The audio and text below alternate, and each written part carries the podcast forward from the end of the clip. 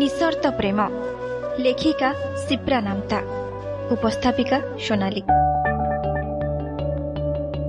ଉଦାସୀ ଅପରାହ୍ନର ଅଳସ ଆକାଶଟା ଚିପୁଡ଼ି ହୋଇ ଟିପ୍ ଟିପ୍ ଲୁହ ଛରାଉଛି। ସେଇ ପାଣି ଟିକେ ଟିକେ ଛୁଇଁ ଯାଉଛି ଗଛର ବହଳିଆ ପତ୍ର ମଧ୍ୟରେ। ଝର୍କା ଦେଇ ତା ଆଖି ଲମ୍ବି ଯାଇଛି ସେଇ ଆଡ଼କୁ। ବର୍ଷଣ ମୁଖର ସନ୍ଧ୍ୟା ଆଗତ ପ୍ରାୟ। କିଛି ଭଲ ଲାଗୁନି। ମନଟାକୁ ବୁଝାଇ ବୁଝାଇ ଥକି ଗଲାଣି ମିହୁଲ। ସମୀର ଏମିତି କରିବ ବୋଲି ସେ ଆଶା କରିନଥିଲା। ମିକୁ ଯଦି ହଲାଇ ଡାକିନଥାନ୍ତା ପାଣି ଛିଟିକି ବିଛଣା ଓଦା ହେବା କଥା ସେ ଜାଣି ବି ପାରିନଥାନ୍ତା କାହିଁକି ଏମିତି ହଉଛୁ? ଆଉ କିଛି ଭାବିବୁନି ବୋଲି ରାଣ ଦେଇ କହିଥିଲି ପରା କହିଲା ମିକୁ। କିଛି ଭଲ ଲାଗୁନି। ଭିଜା ଆଖିର ପଲକରୁ ଝରି ଆସିଲା କେଇଟୋପା ଲୁହ। ଆଦ୍ର ଆଖିକୁ ଦେଖି ମିକୁ ବୁଝିଗଲା ମିହୁଲ ସମୀରର ଭାବନାରେ ହଜିଯାଇଛି। ସାମାନ୍ୟ ଆଖି ଟେକି ମିହୁଲ ଚାହିଁଲା ସେଇ ଝର୍କା ଦେଇ। ସୂର୍ଯ୍ୟଙ୍କର ଦେଖା ନଥିଲା ଯଦିଓ ଆକାଶଟା ଟିକିଏ ଫର୍ଚ୍ଚା ଦେଖାଯାଉଥିଲା କିନ୍ତୁ ପାଣି ସେମିତି ଟିପ୍ ଟିପ୍ କରି ପଡୁଥିଲା। ବର୍ଷାର ବେଗ ହୁଏତ କିଛି ସମୟ ପରେ ବଢ଼ିପାରେ କିମ୍ବା କମିପାରେ କିଛି ବୁଝିପାରୁନଥିଲା ସେ। ବେଶୀ ବେଶୀ ମନେ ପଡୁଥିଲା ସମୀର ତାର। ଏଇ ପାଗରେ କାହିଁକି? କାହିଁକି ଏମିତି କଲା ସମୀର? ଉଫ ଭାରି ବିରକ୍ତ ଓ ଅସନ୍ତୋଷରେ ଫାଟି ପଡୁଥିଲା ସେ। ମିକୁର ହାତ ଧରି ସେ କଏଁ କଏଁ କାନ୍ଦି ପକାଇଲା। ଆକାଶଟା ବାଦଲ ଘେରରେ ରହିଲେ ସେଥିରେ ଜହ୍ନର ବାକି ଦୋଷ। ସେ ତ କେବେ କାର୍ପଣ୍ୟ ପ୍ରକାଶ କରିନି ଚାନ୍ଦିନୀ ବିତରଣ କରିବାକୁ। ତେବେ ସମୀର କାହିଁକି ଭୁଲ ବୁଝିଲା ତାକୁ? ସେ ତ କେବେ ତାକୁ ପ୍ରେମଦାନ କରିବାରୁ ବଞ୍ଚିତ କରିନି। ତା ନିଜ ଘରେ ଯେତେବେଳେ ବିବାହ ପାଇଁ ପ୍ରସ୍ତାବ ଆସିଛି ସେଗୁଡ଼ିକୁ ଆଡ଼େଇ ସେ ସମୀରକୁ ପ୍ରସ୍ତାବ ଦେଇଥିଲା। ସମୀର ମଧ୍ୟ ସେଥିରେ ସହମତି ଦେଇଥିଲା। କିନ୍ତୁ ପାରିବାରିକ ସମ୍ପର୍କ ସୃଷ୍ଟି କରିଥିଲା ବ୍ୟବଧାନ। ମିହୁଲ ସମୀରର ଭାଉଜଙ୍କ ନଣନ୍ଦ। ସମୀରର ପାଠ ପଢ଼ିବା ନ ସରିଥିଲେ ମଧ୍ୟ ମିହୁଲ ଦେଇଥିଲା ପ୍ରସ୍ତାବ। ସେ ଟ୍ୟୁସନ କରି ଘରର ଓ କମ୍ପିଟିଟିଭ୍ ପରୀକ୍ଷା ପାଇଁ ଯାହା ଖର୍ଚ୍ଚ ଦରକାର ସେ ସବୁ ସେ ତୁଲାଇବ। ଚିହିଁକି ଉଠିଥିଲା ସମୀର। କ'ଣ କହିଲ? ତୁମେ ପୁଣି ପୋଷିବ ମୋତେ? ବହୁତ କଥା କହି ଶିଖିଛ ଦେଖୁଛି।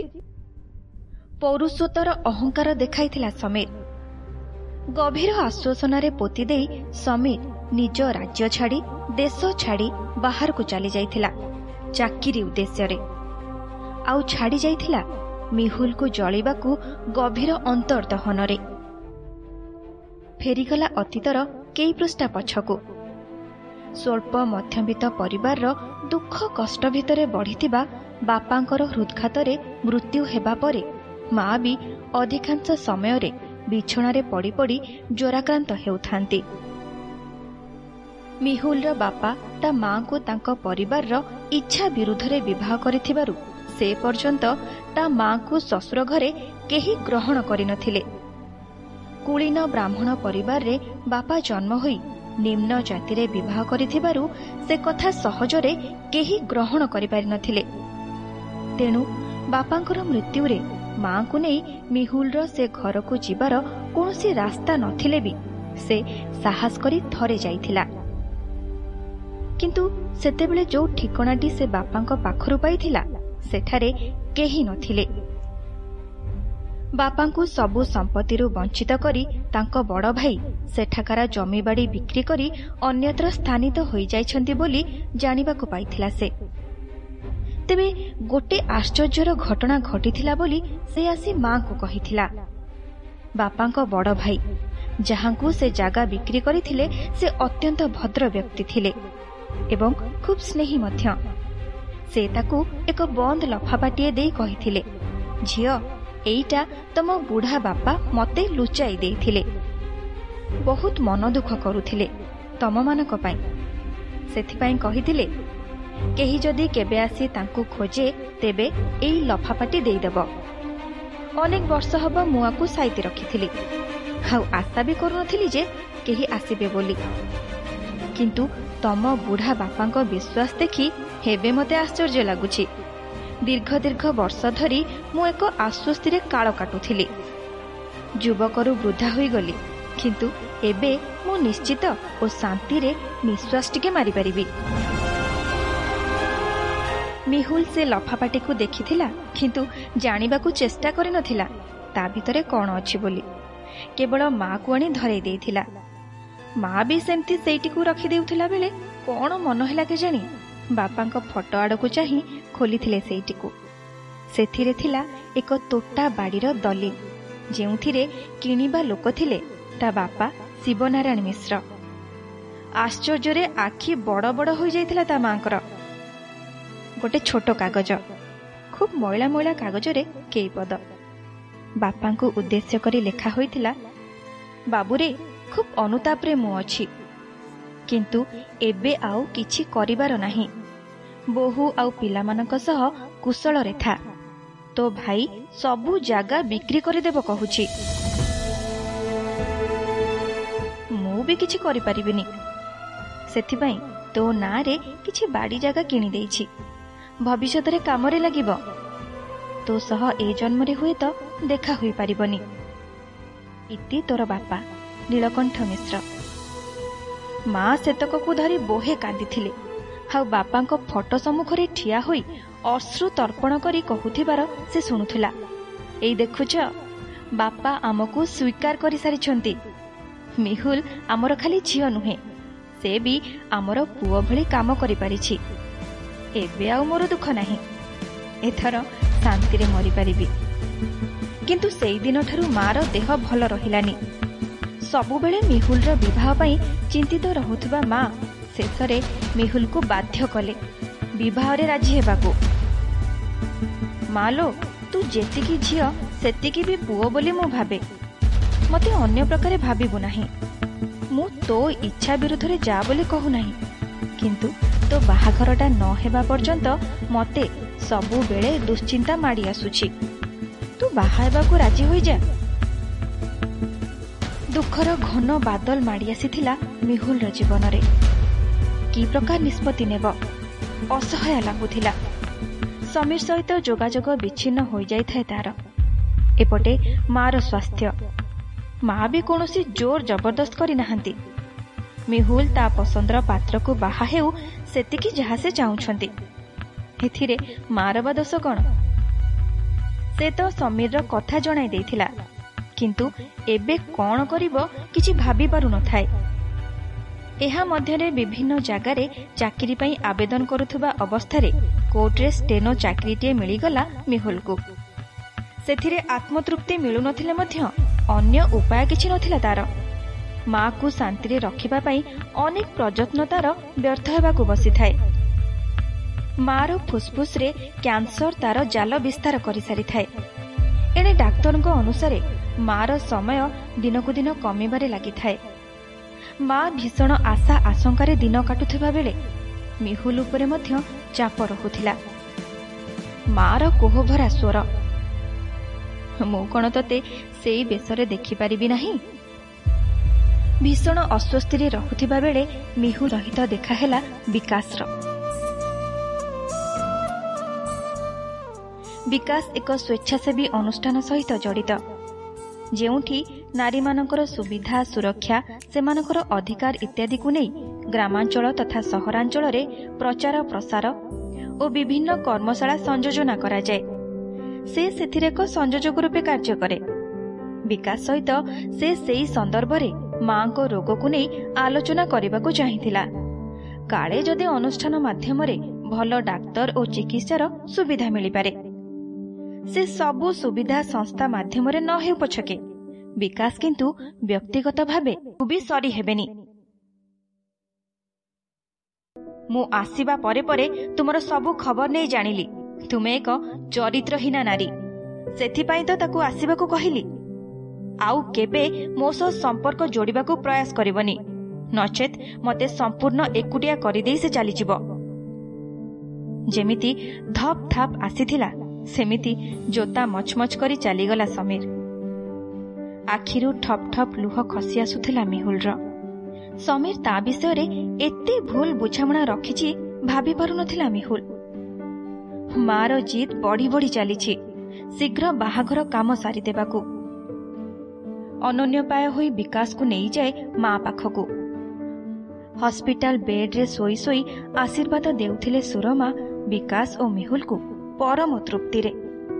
ତାଙ୍କର ଏ ତୃପ୍ତି ଏତେ ଚରମ ସୁଖଦାୟୀ ଥିଲା ଯେ ଖେଇ ଘଣ୍ଟା ମଧ୍ୟରେ ନଶ୍ୱର ଶରୀରଟିକୁ ଛାଡ଼ିଦେଇ ସ୍ୱାମୀଙ୍କ ପାଖକୁ ଯିବା ପାଇଁ ସେ ତତ୍ପର ହୋଇ ଉଠିଲେ। ମିହୁଲ ମଥାରେ ବଜ୍ର ପଡ଼ିଲା। ମା ପାଇଁ ଏତେ ଛଳନା ଏତେ ବାହାନା ନଚେତ୍ ବିକାଶକୁ ବନ୍ଧୁ ବ୍ୟତୀତ ଆଉ କିଛି ଦୃଷ୍ଟିରେ ସେ ଦେଖିପାରୁନାହିଁ।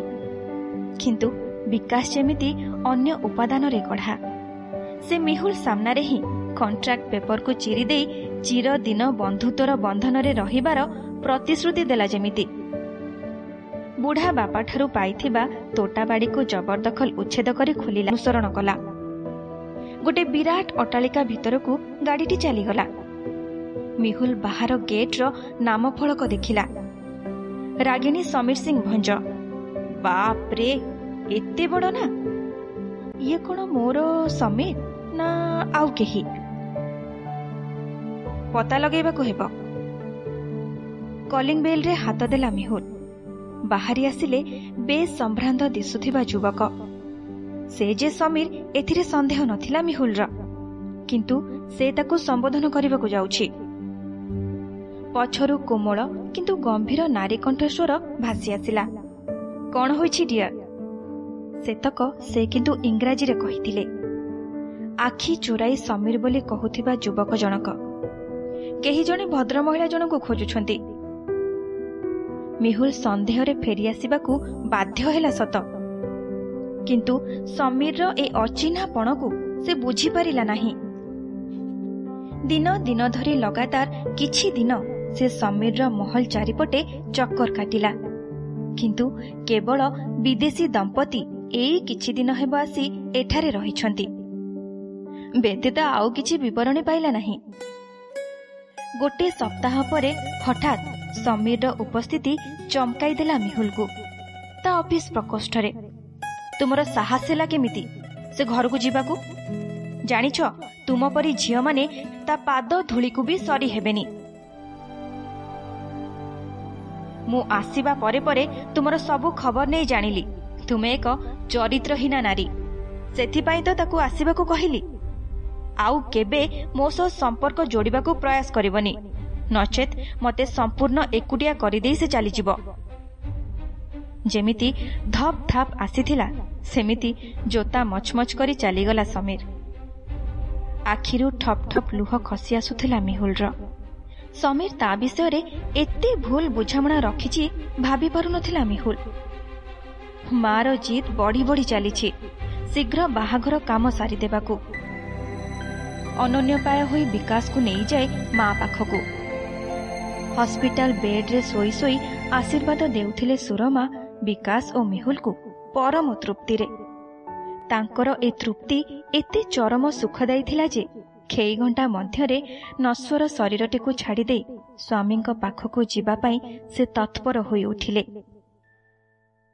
ମିହୁଲ ମଥାରେ ବଜ୍ର ପଡ଼ିଲା। ମା ପାଇଁ ଏତେ ଛଳନା ଏତେ ବାହାନା ନଚେତ୍ ବିକାଶକୁ ବନ୍ଧୁ ବ୍ୟତୀତ ଆଉ କିଛି ଦୃଷ୍ଟିରେ ସେ ଦେଖିପାରୁନାହିଁ।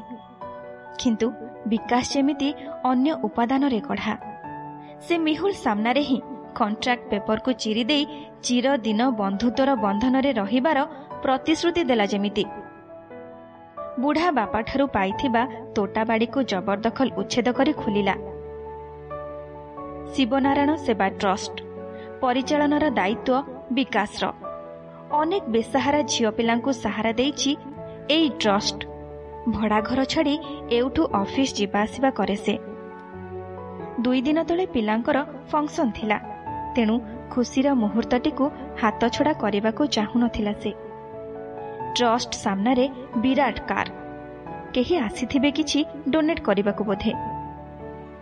ଅଫିସ ଭିତରେ କାହାକୁ ଦେଖୁଛି ସେ? ଏ ତ ସମୀର। ମୁହଁ ଲୁଚାଇଲା ମିହୁଲ। ବିକାଶ ଡାକୁଛି ଯିବାକୁ ସେଠିକୁ। ହୃଦୟଟା ଚହଲି ଯାଉଛି। ପ୍ରାଣଟା ହାହାକାର କରି ଉଠୁଛି। ମନଟା ଯେମିତି ଝାଉଁଳି ପଡ଼ୁଛି। ଦ୍ୱାର ସେପଟେ ଥାଇ ସେ ଯେ ଅସୁସ୍ଥ ଅନୁଭବ କରୁଛି ସୂଚନା ଦେଇ ଏକ ମୁହାଁ ହୋଇ ନିଜ ରୁମ୍କୁ ପଶିଗଲା। ଆଖି ଯେ ଢଳ ଢଳ ଜଳରେ ପୂର୍ଣ୍ଣ ହେଲାଣି ସେ କଥା ସେ ବୁଝିପାରୁଥିଲା। ତାପରେ ଦୁଇ ଦିନ ପର୍ଯ୍ୟନ୍ତ ଅଫିସ ଯାଇପାରିନଥିଲା ସେ। ମିକୁର ଡାକରେ ସମ୍ବିତ ଫେରି ପାଇଥିଲା ମିହୁଲ। ଅପା ତମକୁ କିଏ ଜଣେ ଖୋଜୁଛନ୍ତି? ଆଶ୍ଚର୍ଯ୍ୟରେ ଆଖି ବଡ଼ ବଡ଼ ହୋଇଗଲା ତାର। ଏ ସମୟରେ କିଏ ଖୋଜୁଛି? ଏ ଅସମୟରେ କିଏ ଖୋଜୁଛି? କିଏ ହୋଇପାରେ? ତା ଭଳି ଏକ ଅଲୋଡ଼ା ପ୍ରାଣୀକୁ ଦରକାର କରୁଛି? ପ୍ରାୟ ବିକାଶ ସବୁକିଛି ହ୍ୟାଣ୍ଡେଲ କରେ। ଝରକା ଦେଇ ଆଖି ପହଁରାଇଲା ସେ। ଆକାଶରେ ମେଘ କଟିଯାଇଛି ଧୀରେ ଧୀରେ। ଅନ୍ଧାରର ପରସ୍ତ ଲେସି ହେବାକୁ ବସୁଛି।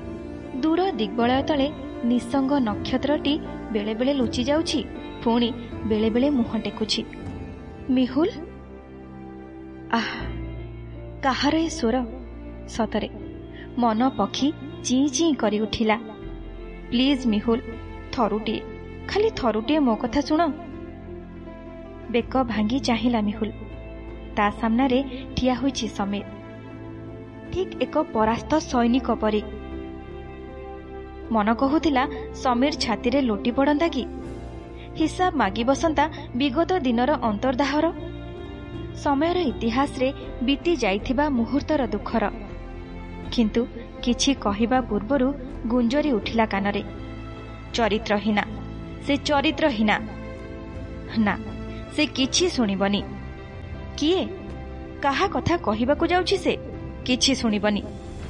କ'ଣ କହୁଛି ସମୀର ସେ ଅନୁତାପରେ ଜଳୁଛି। ଜଳୁନା? ବେଶ ତ କିଛି ଗୋଟେ ହୋଇଛି ତେବେ। କ୍ଷମା ପଶ୍ଚାତାପ ଏ ସବୁର କିଛି ମୂଲ୍ୟ ନାହିଁ ଏବେ। କିନ୍ତୁ ମୁଁ ତୁମର ସେ ଚରିତ୍ରହୀନା ଉକ୍ତିଟିକୁ ମନ ଭିତରୁ କାଢ଼ି ବାହାରକୁ ଫିଙ୍ଗି ପାରୁନି। ମୁଁ ତୁମର ସେ ମହାନ ଲେଡିର ପାଦ ତଳର ଧୂଳି ସହ ସମାନ ନୁହେଁ। ପ୍ଲିଜ୍ ତମେ ଏଥର ଯାଇପାର। ମୁଁ ଯୋଉ ସମୀରକୁ ଜାଣିଥିଲି ସେ ତୁମେ ନୁହଁ। ପ୍ଲିଜ୍ ପ୍ଲିଜ୍ ଯାଅ। ଆଖିରେ ହାତ ଚାପି କହିଲା ପରେ ବେଶ କେଇପଦ କଥା କହିଦେଇଥିଲା ସେ।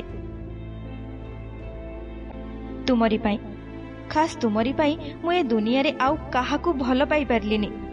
ତୁମେ ତୁମେ ହିଁ ମୋତେ ଭାଙ୍ଗି ଖଣ୍ଡ ଖଣ୍ଡ କରିଦେଇଛ। ମୁଁ ଆଉ ସହିପାରୁନି କଥା କହୁଥିବା ଅବସ୍ଥାରେ କାହାର ବଳିଷ୍ଠ ବାହୁ ବନ୍ଧନରେ ନିଜକୁ ଆବିଷ୍କାର କରୁଥିଲା ମେହୁଲ। ମୁଁ କିନ୍ତୁ ତୁମକୁ ପ୍ରାଣ ଦେଇ ଭଲ ପାଉଥିବି ମେହୁଲ। ତୁମେ ପାଅ କି ନ ପାଅ ମୋର କୌଣସି ସର୍ତ୍ତ ନାହିଁ ସେଥିରେ। ସମ୍ପୂର୍ଣ୍ଣ ନିସର୍ତ୍ତ। ସେ ଥିଲା ବିକାଶ। ବିକାଶର କଥାରେ ମିହୁଲ ତାର ଲୁହ ଭିଜା ମୁହଁକୁ ବିକାଶ ଛାତିରେ ଗୁଞ୍ଜି ଦେଇ ଥରଥର କଣ୍ଠରେ କହୁଥିଲା ତୁମେ ମୋତେ ଛାଡ଼ି ଚାଲିଯିବନି ତ? ଝରକା ଦେଇ ଦିଶୁଥିଲା ସେଇ ନିସଙ୍ଗ ନକ୍ଷତ୍ର ପାଖରେ ଆଉ ଏକ ନକ୍ଷତ୍ର ଆଖି ମିଟିକା ମାରୁଥିଲା।